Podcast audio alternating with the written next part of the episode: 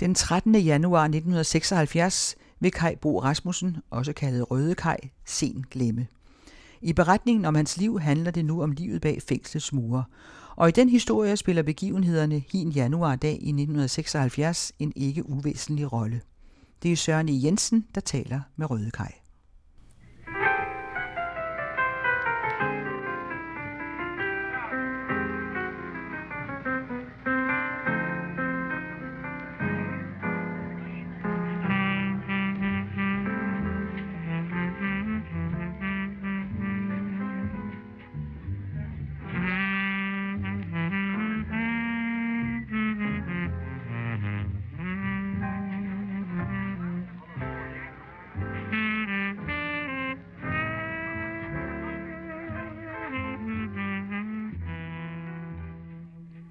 Står du ikke og spiser i to dage.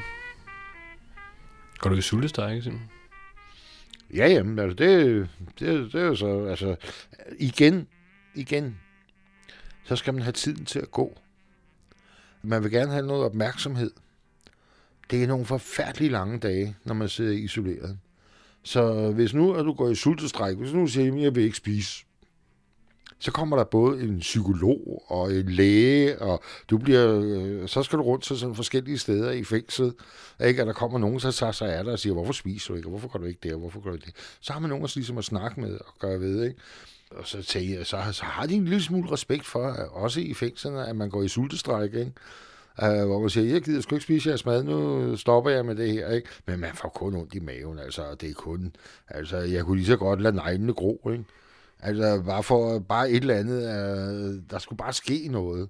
At det, man bliver sådan lidt mærkelig, øh, når man sidder isoleret. Ikke? Har man siddet isoleret længe nok, du, så begynder man at snakke med, med fjernsynet og speakerne i fjernsynet. Man begynder at synge højt, og man begynder bare for at bruge sin stemme, begynder man at, at, at, at kommentere alt. Alt, hvad du ser, alt, hvad du hører, der begynder du at sige noget og kommentere det. Jeg har haft øh, fængselsbetjente, der er kommet ind til mig om aftenen, fordi der har været det der søg med i fjernsynet. Jamen, jeg har skrålet lige så højt jeg kunne. Skrålet i vildens sky for at bruge min stemme, og er det bare så, der var noget liv. Og, og jeg tænkte, jeg vil da skide på, om de kommer ind. At de kan bare smide mig ud. Nej, men det gør de jo selvfølgelig ikke. At de kommer og siger, at jeg skal dæmpe mig, at jeg skal tige stille. Jamen, det, det hjælper jo ikke noget, hvis jeg ikke vil. Ikke, så synger jeg jo bare lige så højt, så det, altså, hvor vil de gøre af mig, altså nærmest, ikke? Ikke? Så, så jeg sang ind til det her program var færdigt, og så fik øh, øh, Nikolajsen, eller hvad pokker han hed, øh, speakeren i fjernsynet, så fik han en skæld ud og en sviner bagefter. Ikke? Så fik vi lige diskuteret problemerne i Vietnam, eller hvad der nu var på tapetet på det tidspunkt. Ikke? Så øh, alt i alt, altså, så, så sidder man og bliver en lille smule småt også. Men man kommer sgu ud af det. Du føler dig knap så isoleret, knap så alene, når du laver de her numre. Det står som du begynder, nu kan vi se, at vi er fremme til torsdag den 20. i 11. Og der er det sådan nærmest, du begynder sådan at vente til øh, fængselslivet. Ikke? Jeg kan se, øh, at du begynder at melde dig til noget undervisning, og, og så har du bestilt Hobbymanden, hvor du bygger sejlskib. Ja, men altså, hvad pokker skal man lave det? Altså, man, man sidder jo, som, som sagt, mutters alene. og Du sidder og glor ind i de her vægge. Når du er færdig med at læse Ekstrabladet, BT, Se og hører Billedbladet, jamen så er der ikke meget andet at lave så kan du sidde og glo ud i luften, eller du, øh, hvad det nu kan, kan være. Du kan også øh, bestille øh, arbejde, men øh, det kan du ikke gøre, når du er isoleret. Så må du ikke få arbejde ind i cellen. Det må du først øh, få, når du kommer ud af isolationen. Så må du, øh, så må du få noget arbejde. Måtte du i hvert fald på det tidspunkt. Så øh, jeg havde nogle, nogle forfærdelige øh, lange dage og, øh, hvor man øh, havde dårligt, så tænker hvis nu jeg melder mig til noget skole, og havde noget, et, et stykke hobby, jeg kunne sidde og, og, og tage mig til, ikke, så tænker jeg, jeg, jeg bestiller sgu sådan en fiskekutter, jeg skal bygge ikke? Men øh, jeg har altid været fjols altså, til, til så til mine fingre. Jeg har 10 tomme fingre. Hvordan jeg overhovedet har fået ind i hovedet, at jeg skulle kunne lave sådan en der. Det viser sig også, at den er alt for svær, ikke? så jeg smider hele lortet ud og øh, gider at det ikke har noget med dig at gøre overhovedet. Vel? I og med, at du gør sådan noget bestiller hobbymand og begynder at gå sådan noget, så ved du godt, at det her det kommer til at vare længe. Ikke? Jo, jo, men den, den havde jeg indstillet mig på. Jeg havde indstillet mig på, at, at det ville komme til at vare længe, det her. Mm. Så jeg havde indstillet mig på, at jeg skulle indrette mig uh, her, at min tilværelse skulle indrette her. Du kan ikke leve to steder. Det er helt umuligt. Det er ligegyldigt, hvordan du hopper, danser og vender og drejer det. Du kan kun være et sted ad gangen. Mm-hmm. Ikke? Og hvis du så finder ud af, at du nu skal være her, altså i et givet sted, i lang tid, jamen så må man indrette sig. Det er her, du skal leve dit liv. Så må de andre finde ud af det, så længe du er væk øh, med alt det andet. For ellers så bliver du splittet, så bliver du, så bliver du skør i hovedet. Men så fandt jeg så ud af, at jeg, øh, at jeg lejede en skrivemaskine. I stedet for alt det her øh, tingeltangel øh, med at skulle lave fiskekutter og, og gå til gymnastik, jeg altid, jeg kan slet ikke forstå, at jeg, at jeg er gået med på sådan noget. Jeg har aldrig kunnet fordrage gymnastik, vel? Jeg altid synes, det var noget simpelthen, det var så ja, det var så lige meget at hoppe rundt. Altså, jeg fik rigelig motion, og jeg fik rigelig gymnastik i det liv, jeg, jeg levede. Ikke? Hvorfor jeg fandt ud af det der, det ved jeg ikke. Altså, for, for, for, ja, igen for at få tiden til at gå. Men altså, man får også en masse idéer, når man sidder der. Når man sidder i sin lyse øjeblikke, så vil man det hele. Mm. Så sidder man der, og så skriver man sin dagbog. Nu skal jeg også til regning, til gymnastik. Jeg skal, oh, ja, nu skal jeg bygge den der nordsøkutter. Ikke, at du kan overhovedet ikke. Der er ingen, der kan overbevise om, at det kan du ikke. Kai, du kan ikke lave den der nordsøkutter. Selvfølgelig kan du det. Når man sidder der, og man indstiller sig på det, så kan man. Man får nogle maniske, depressive øh, perioder i, øh, i sådan en isolationscelle. Ikke? Mm-hmm. Du kan være depressiv øh, nogle dage, og lige pludselig så sker der nogle ting, er ikke så vinderen, så bliver du helt manisk. Er ikke så kan du klare alt, så er det ligegyldigt hvad, så er du helt sikker på, at du bliver lukket ud i morgen. Altså, der, der er ingenting, der kan slå dig ud, vel? Og så er du oppe i det der, og så er det, du begynder at, at lægge planer om, om din fremtid i cellen, ikke? Og, og alle de der forskellige ting. Du får fat i forsorgen, du får fat i lægerne, du får fat i lærerne, du får fat i hobbymanden, og du sætter en masse aktiviteter i gang. Men så sker der noget. Det var det. Men øh, så hælder en skrivemaskine. Og du begynder i køkkenet, kan jeg se. Ja, jamen, det var, da jeg så er færdig med at, at, at øh, sidde isoleret, da jeg ved en fejltagelse kommer ud af det hele, så begynder jeg i køkkenet. Så får jeg sgu arbejde nede i køkkenet. Ikke? Og det er jo et herligt sted at få arbejde, når man er fængslet. Der bliver man jo flyttet over til en, øh, en helt anden afdeling, fordi man skal tidligt op og, og begynde at ned i køkkenet og arbejde. Og i køkkenet, der er altid resterne fra øh, funktionærernes kantine. De er jo også i køkkenet.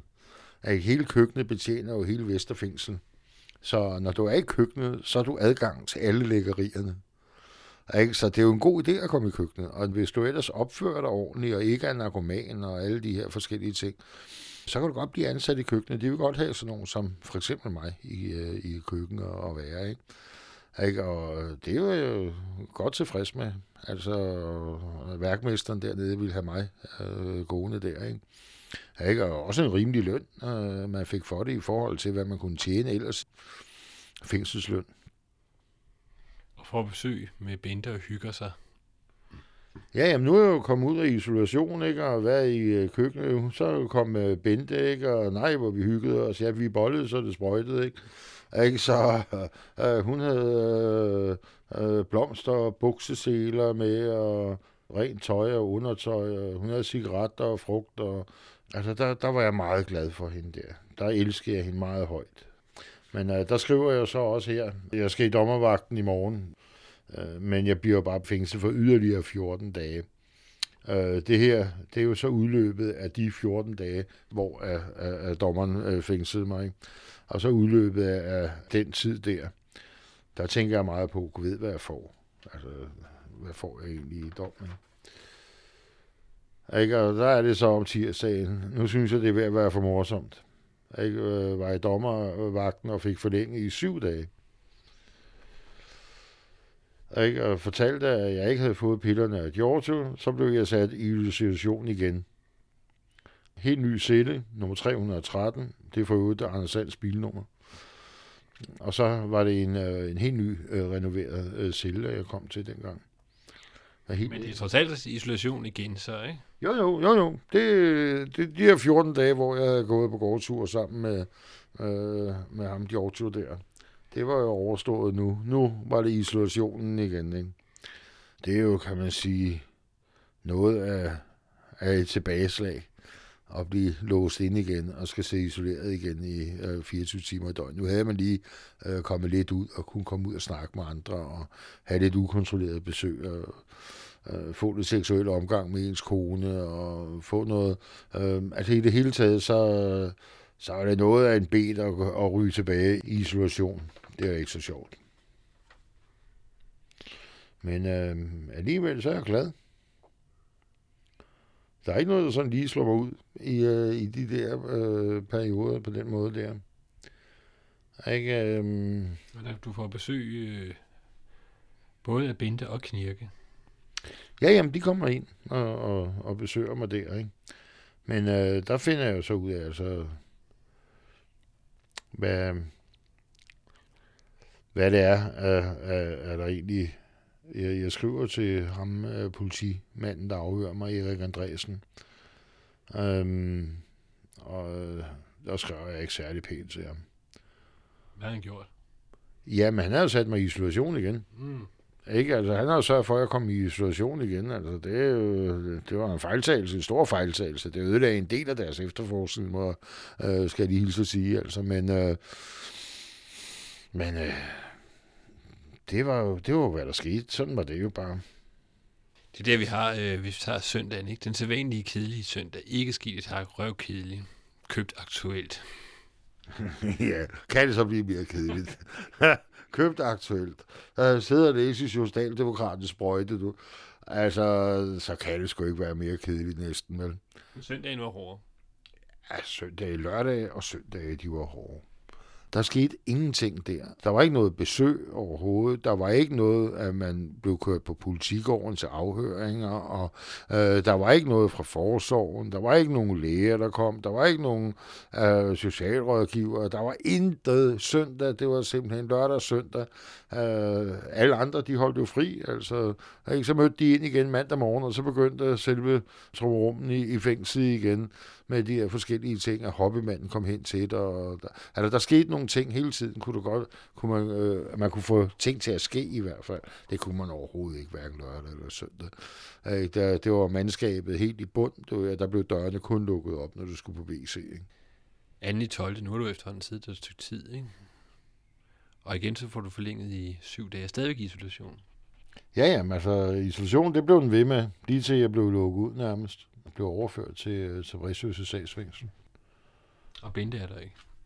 Nej, nej, hun kom ikke i dommervagten. Altså, hun holdt så langt væk fra det. Øh, vores forhold, det var ved at, at æbbe ud øh, på den måde.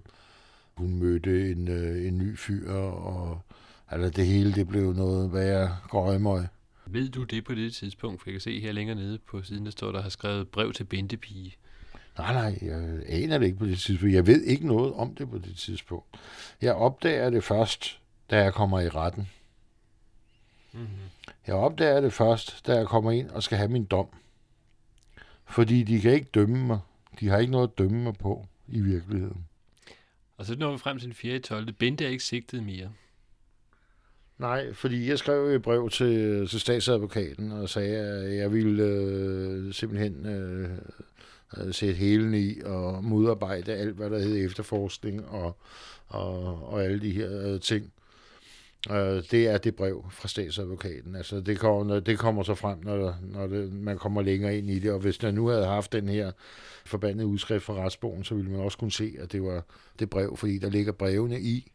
Øh, Udover øh, at telefonaflytningerne står der ord for ord, så øh, står brevene der også for hver afhøring øh, står der i. Ikke? Så den kunne være rigtig, rigtig god at have nu. Men øh, hun, er, hun er færdig. Hun er ude af, af sagen og øh, ikke sigtet mere end noget som helst. Og så kan jeg se her fredag den 6. 12. Nu begyndte, nu begyndte de mørke skyer for alvor at trække sammen. Jeg har sgu fået en dårlig. Ja, det var jo sådan, at det var. Altså, det er jo hyggeligt, når ens øh, kone eller kæreste kommer på besøg i fængslet og giver en en dårlig. Altså, så er det jo, den er jo helt med på, at den har hun jo fået et eller andet sted fra. Men øh, på den anden side, så, så, er jeg heller ikke, så, så er jeg heller ikke så sur på hende. For vi levede jo et liv hvor øh, vi egentlig havde lov til det her. Ikke? Så, men jeg tænkte bare, ah, for satan, jeg sidder her med en dumme kælling, altså, kan man ikke passe på. Altså, fy for satan sidde herinde, og så samtidig få en dårlig, og skal til lægen med, at det er sved, og det gjorde ondt, og det var øh, noget rigtig lort, altså unge i det andet, ikke? Unge i alt det andet der, man sidder derinde, du, så får man fandme også en dårlig, ikke? Ikke, så det, var, det kunne jeg da godt blive lidt mukken over, men ikke noget, som... Jeg kan også se, at det er fiskekutter, du er mest sur på. ja, det kan godt være fiskekutter, det, det tror jeg nok, at jeg fik ud af verden, ikke? Og, og igen søndagen. Jamen, øh, søndag den 7. 12. Jeg har ondt i pikken. Det forbindte skulle jeg vide i morgen. Det er svineri, det vil jeg ikke have. Enten må hun knalde med mig, eller de andre. Jeg vil sgu ikke have en dårlig. Ja, det er slemt nok at sidde her i isolation. Jeg har lidt ondt af mig selv der, kan jeg se. det er noget værd lort alt sammen. Ja. Hun kommer der om onsdagen og siger, at hun har svigtet. Ja, hun har svigtet mig igen. Og alt det, bla bla bla. Altså, det var hun hele tiden. Altså, hun kunne græde på kommando, den dumme kælling, altså, helt ærligt. Øh, når man ser det her, det, så forstår jeg det simpelthen ikke. Men øh, det, når man ikke ved sådan nogle ting, ikke, så, så sker tingene, og så sker tingene lige pludselig alligevel. Som, hun er ulykkelig, ja, men øh, det var jeg sgu også. Du er simpelthen tro mod hende alligevel, ikke? Jo, fordi altså, det, det er jo, altså, jeg, jeg tænker meget på hende, og jeg synes, og jeg holdt utrolig meget af hende, og øh, ja, sådan er det. Ja, første i første, det er også en tung dag. Jeg gider ikke skrive mere, det bliver bare det samme hele tiden. Ja, det gør det jo også, altså, det, altså det, det bliver det jo også, fordi man begynder jo ligesom at, og, og, og sige, at nu starter der et nyt år, ikke? eller det er så nytårsaften, ikke?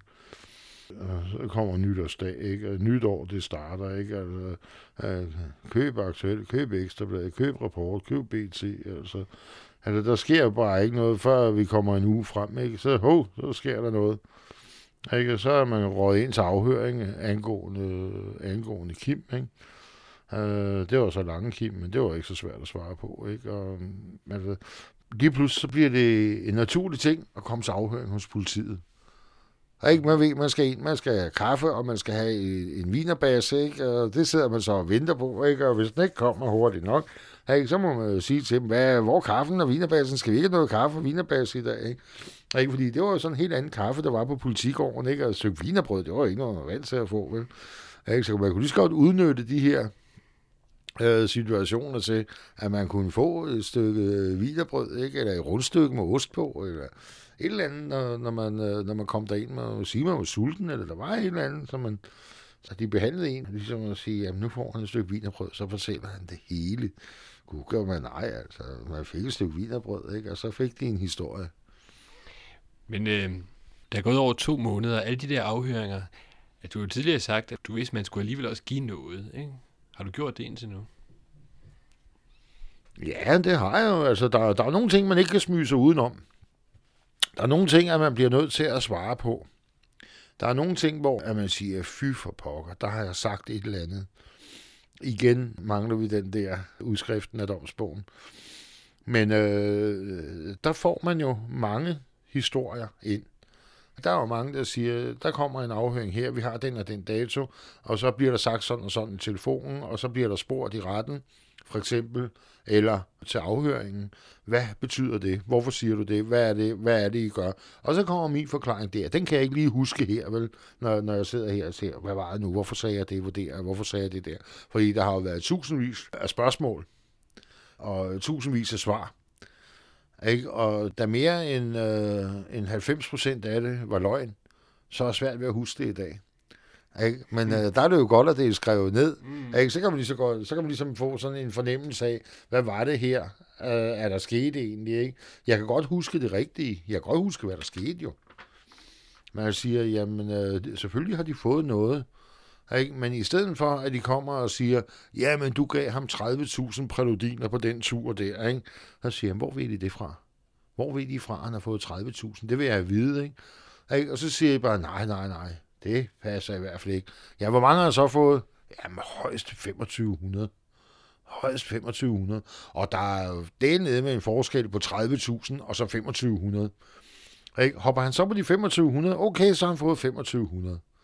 Ikke? Så må man sige, jamen okay, så røg jeg væk fra de 30.000, så glemmer han dem og skriver bup, 2500.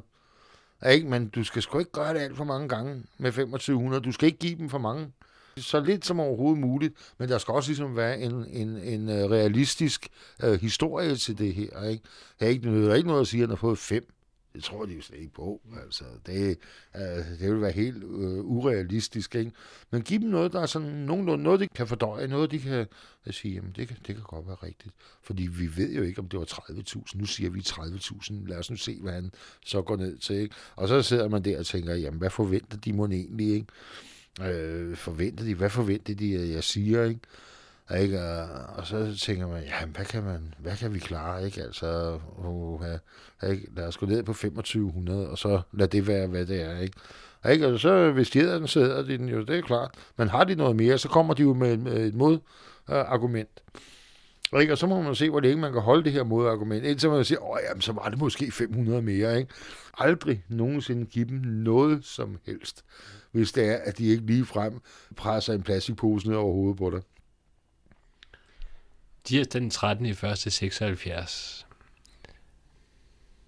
har været i retten hele dagen og skal igen i morgen. Ja. Det var spændende, men jeg fik også at vide, at Bente havde anmeldt mig. Ja. Jeg havde anmeldt mig og George til politiet. Det fik jeg så at vide der. Det er jo der, hvor jeg opdager de her ting. Hvordan reagerede du, da du får det at vide? Den? Afbryder retsmødet. Simpelthen afbryder retsmødet. Vil ikke sige mere. Altså, jeg, jeg, jeg tænkte, gud ved, hvad fanden jeg egentlig havde gjort, siden jeg skulle straffes på den måde, ikke? ikke? Men øh, længere nede, men op i røven med det. Ikke?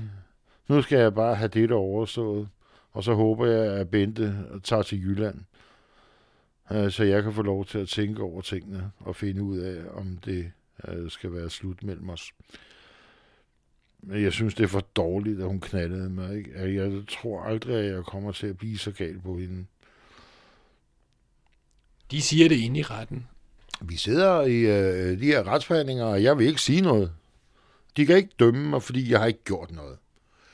Øh, jeg bliver nødt til at få at vide, hvor fanden de har det her fra.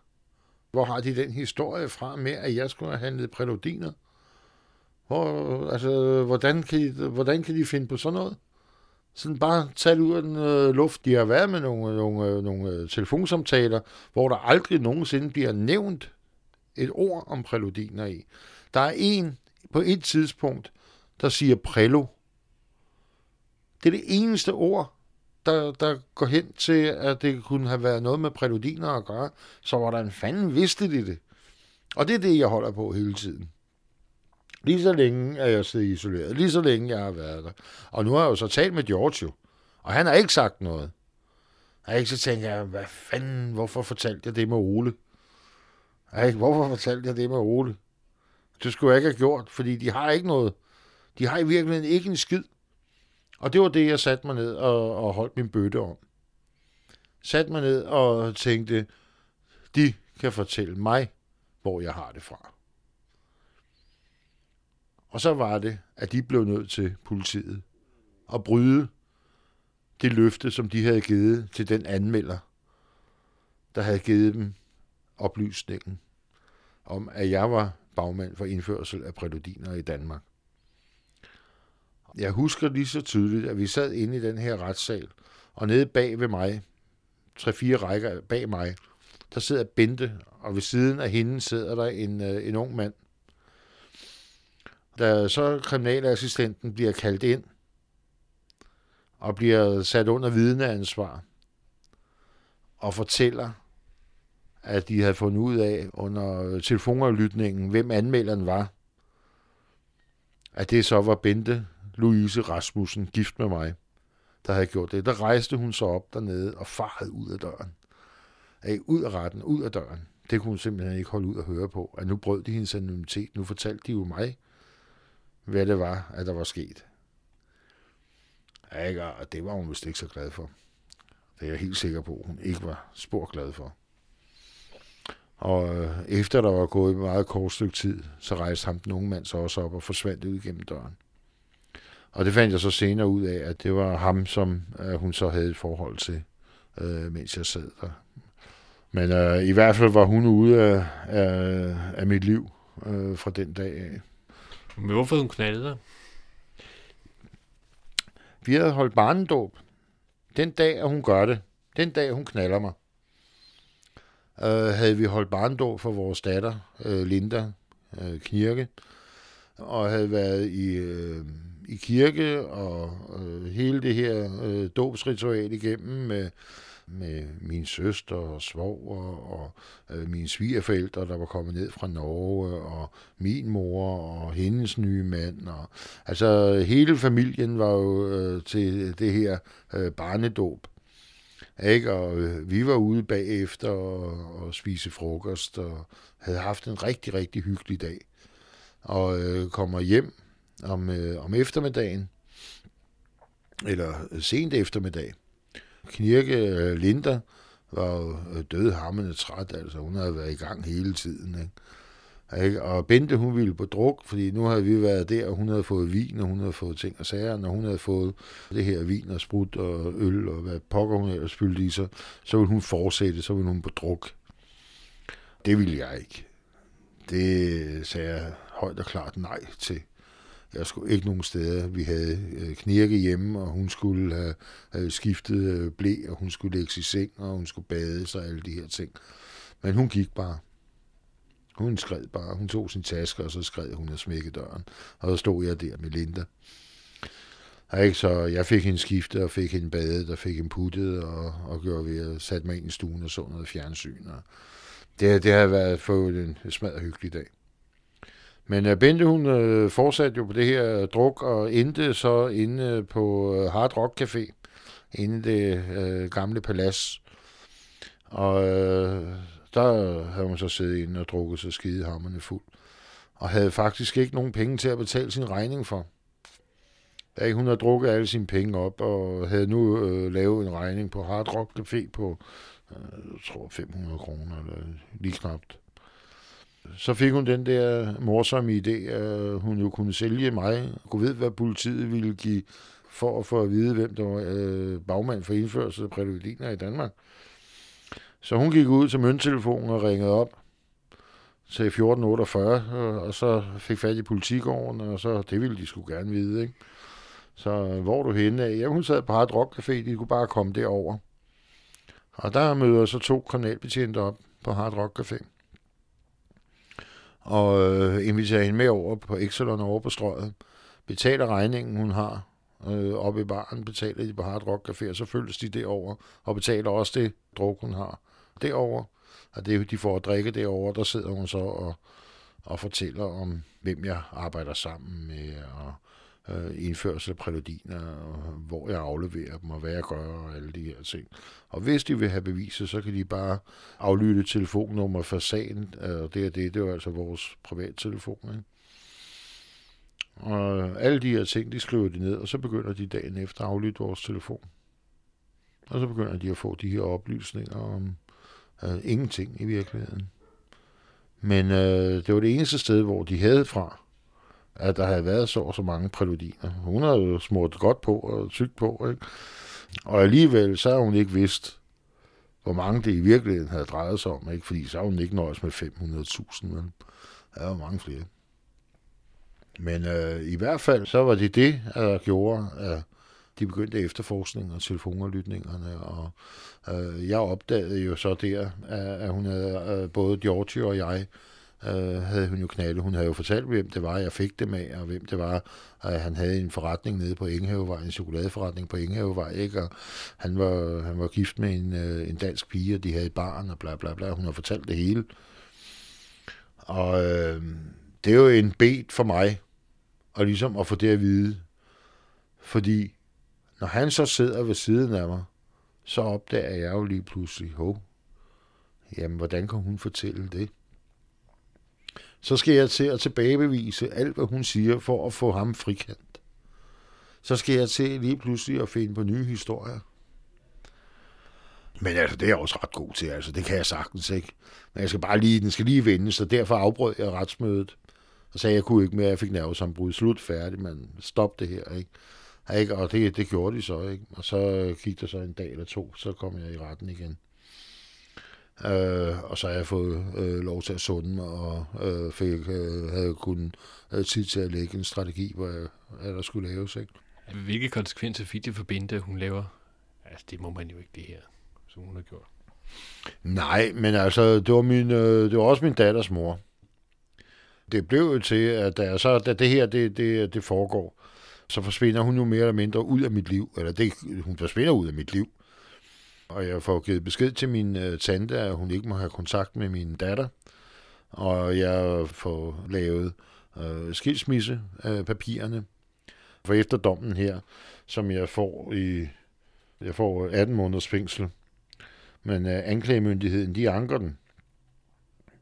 Den 4. i anden. Ikke? Og så får jeg en øh, dom i, øh, i landsretten, hvor den bliver så sat op til 24 måneder. Og efter, efter det bliver jeg så overflyttet til Vræsøse statsfængsel. Jeg tror, der går øh, yderligere øh, et par måneder, hvor jeg sidder på Vesterfængsel. Så sidder jeg øh, faktisk varetægtsfængsel på Vesterfængsel i 6 måneder eller sådan noget lignende. Og bliver så overflyttet til Vræsøse statsfængsel. Og der går jeg så i gang med øh, skilsmisseforhandlingerne.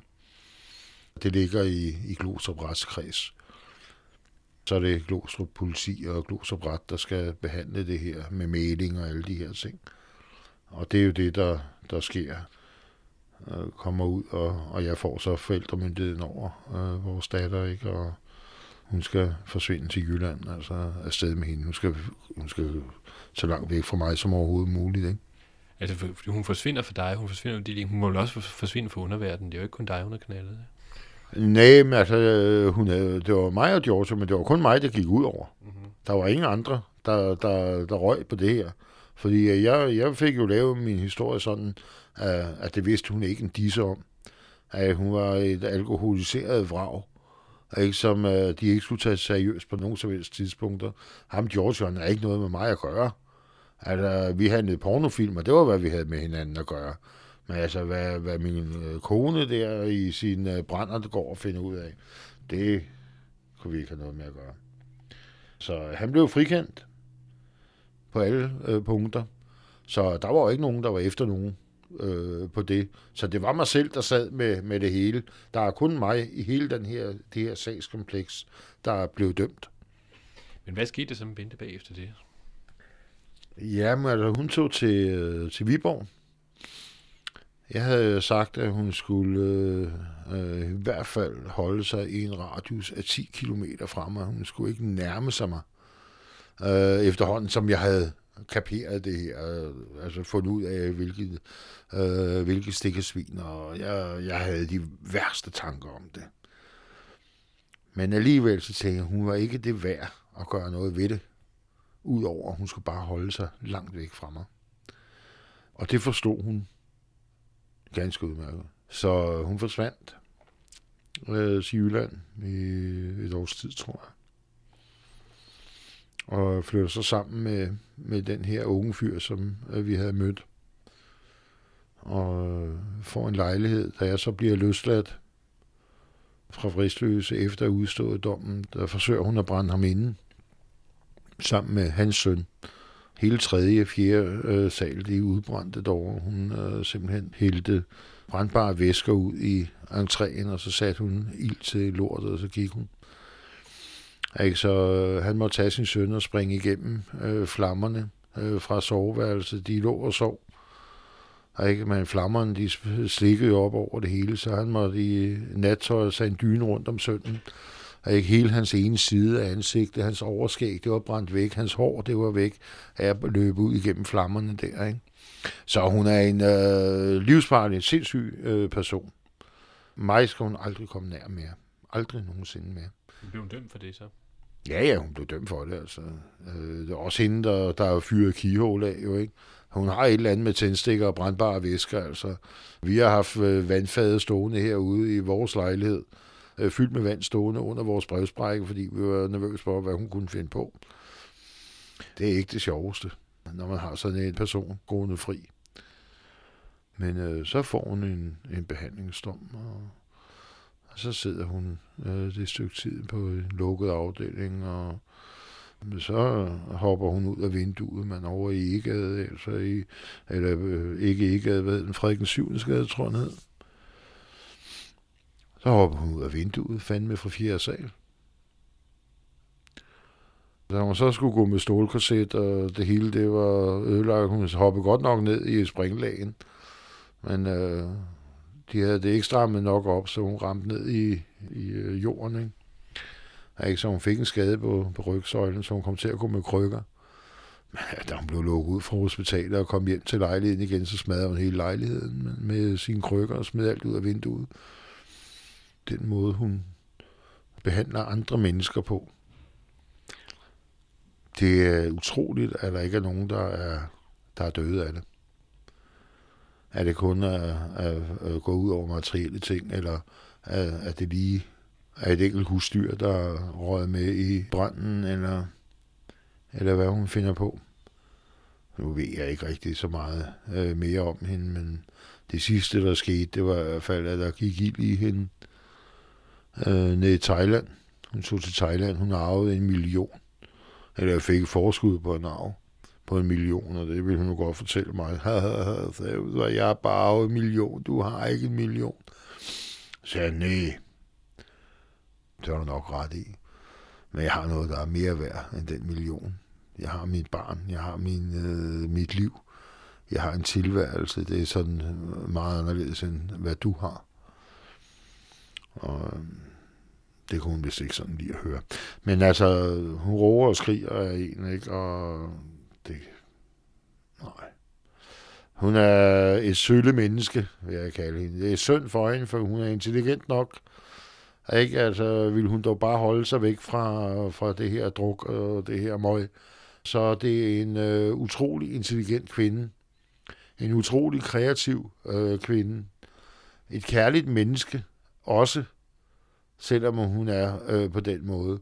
Men når hun ryger på spiritusen, og hun øh, ryger på druk, så er det det værste menneske, at der findes. Det øh, synes jeg i hvert fald. Altså, det er den bedste tid, at vi overhovedet havde i hele vores ægteskab, det var mens hun var gravid. Der hverken øh, røg eller drak hun i, øh, i de ni måneder, at det var.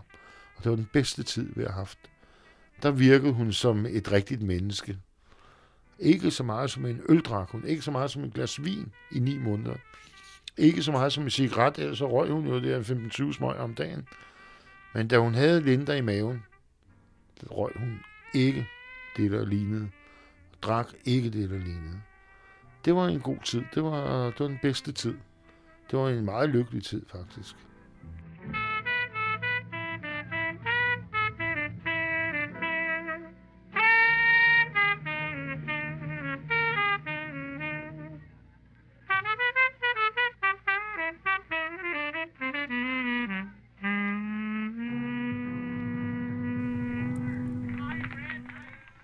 Kai Bo Rasmussen, alias Røde Kai, fortalte til Søren I. Jensen.